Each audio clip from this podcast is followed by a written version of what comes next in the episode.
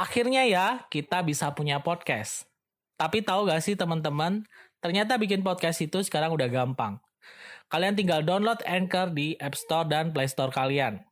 Kalian bisa mulai record podcast episode pertama kalian langsung di aplikasi tersebut. Bahkan, kalian juga bisa edit podcast kalian langsung. Melalui Anchor Podcast, kamu akan didistribusikan ke podcast streaming platform seperti Spotify, Apple Podcast, dan lain-lain. Dan yang pasti, gratis. Yuk download aplikasi Anchor di App Store dan Play Store kalian atau kunjungi www.anchor.fm. Selamat bikin podcast! Halo semuanya, salam sejahtera ya. Boleh lagi ditanyakan dokter. Halo semuanya, salam sejahtera. Pernah nggak sih teman-teman di sini mendengar istilah ketuban keruh atau bahasa Jawanya ketuban butek? Mungkin ada beberapa hal yang bisa menyebabkan kenapa kok ketuban bisa jadi keruh. Normalnya ya ketuban jernih, warnanya bening atau mungkin agak sedikit kuning. Apakah ini bahaya dan kenapa kok bisa ketuban itu jadi keruh? Seperti apa penjelasannya? Simak terus ya.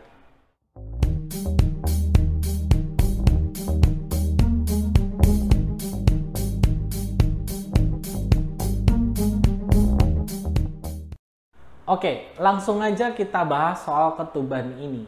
Ketuban tentunya mulai terbentuk saat sudah ada kantung ketubannya. Biasanya ini terjadi sekitar 12 hari setelah terjadinya pembuahan.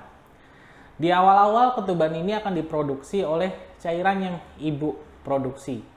Ketika janin sudah semakin besar, fungsi e, pembuangan seperti ginjal sudah berfungsi, ketuban akan didominasi dari produksi urin si bayinya. Tentunya banyak faktor yang terkandung dalam hal ini bagaimana e, ketuban ini bisa terproduksi. Ada yang bilang kurang, ada yang ketubannya kelebihan. Kita tidak bahas itu. Khusus pada video kali ini, kita akan bahas kenapa kok ketuban ini bisa jadi keruh ya. Mungkin pada saat pemeriksaan dokter periksa loh, Bu, ketubannya keruh nih. Ada bercak-bercak putih, tidak jernih, tidak bening. Ya, normalnya pada pemeriksaan USG kalau ketuban itu tampak seperti bayangan gelap ya kalau di USG. Tapi kalau jika kita nemu ada putih-putih kok kayak uh, serbukan putih seperti itu bisa jadi ini ketubannya ada masalah.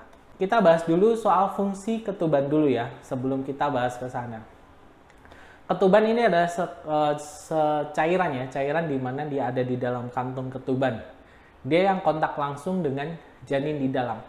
Beberapa fungsinya salah satunya adalah menjaga bayi dari goncangan.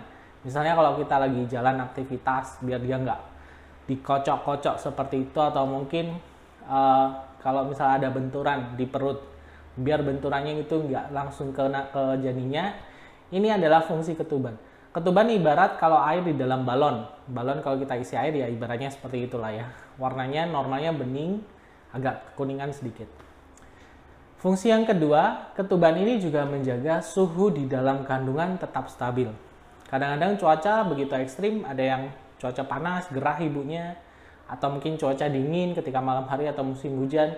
Tentunya ini menjaga suhu di dalam kandungan ini tetap stabil dengan adanya cairan ketuban itu, sehingga kondisi janinnya juga tentunya nyaman di dalam.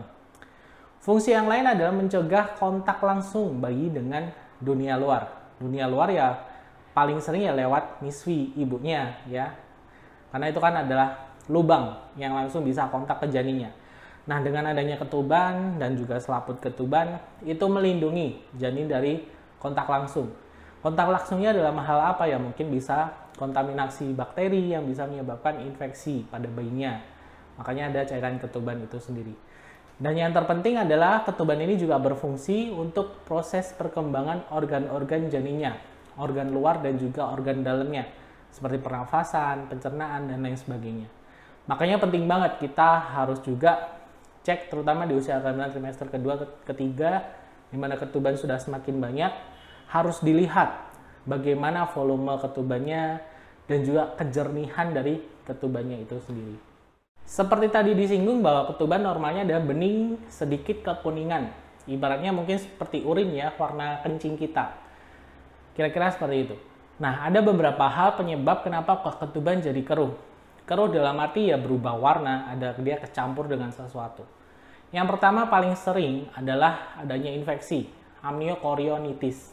Jadi infeksi yang menyebabkan uh, ketuban ini terkontaminasi dengan paling sering adalah bakteri.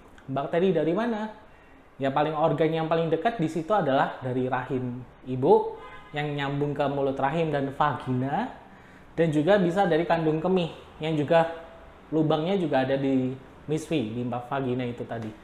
Ketika ada kontaminasi bakteri, mungkin ibu kurang jaga kebersihan atau mungkin ada penularan infeksi dari hubungan seksual, bakteri ini bisa masuk, bisa menembus, kadang-kadang merusak selaput ketubannya, bisa bikin pecah ketuban, dan bisa juga bikin infeksi di dalam. Akhirnya ya, kita bisa punya podcast. Tapi tahu gak sih teman-teman, ternyata bikin podcast itu sekarang udah gampang. Kalian tinggal download Anchor di App Store dan Play Store kalian. Kalian bisa mulai record podcast episode pertama kalian langsung di aplikasi tersebut. Bahkan, kalian juga bisa edit podcast kalian langsung. Melalui Anchor Podcast, kamu akan didistribusikan ke podcast streaming platform seperti Spotify, Apple Podcast, dan lain-lain. Dan yang pasti, gratis. Yuk download aplikasi Anchor di App Store dan Play Store kalian atau kunjungi www.anchor.fm. Selamat bikin podcast. Tanda-tandanya apa? Ibu mengalami demam. Itu sudah pasti. Itu akan menyebabkan ketuban jadi nanti berubah warna. Agak kehijauan atau mungkin kekuningan. Dan ini tentunya bahaya karena bakteri di dalam ini bisa mengenai janin. Janin bisa mengalami sepsis, infeksi yang uh, menyebar di seluruh tubuhnya melalui darah dan juga tentunya bahaya untuk ibu. Resikonya adalah selain sepsis itu tadi menyebabkan janin terinfeksi di dalam, resikonya juga bisa jadi gawat janin, kondisi janin yang stres di dalam, kemudian juga resiko lahirnya prematur. Makanya ini harus hati-hati, harus dipantau. Ibu penting banget menjaga kebersihan, terutama miswi yang merupakan jalan keluar masuknya bakteri yang gampang banget. Itu ibu harus jaga kebersihannya selama hamil. Penyebab kedua yang paling sering juga menyebabkan ketuban keruh adalah mekonium. Mekonium itu apa dok? Mekonium adalah kotoran pertama dari bayi. Normalnya bayi tidak BAB di dalam rahim, ya, di dalam kandungan kita. Normalnya ya belum BAB, BAB setelah dia lahir. Nah, mekonium ini bisa menyebabkan air ketuban jadi keruh, warnanya seperti kehijauan atau mungkin bisa kecoklatan atau kemerahan bahkan ya Nah, kenapa kok bayi tiba-tiba bisa BAB di dalam? Tentu ada penyebabnya. Penyebabnya yang paling sering adalah stres janin, di mana janin tidak mendapatkan pasokan oksigen yang cukup dari ibunya.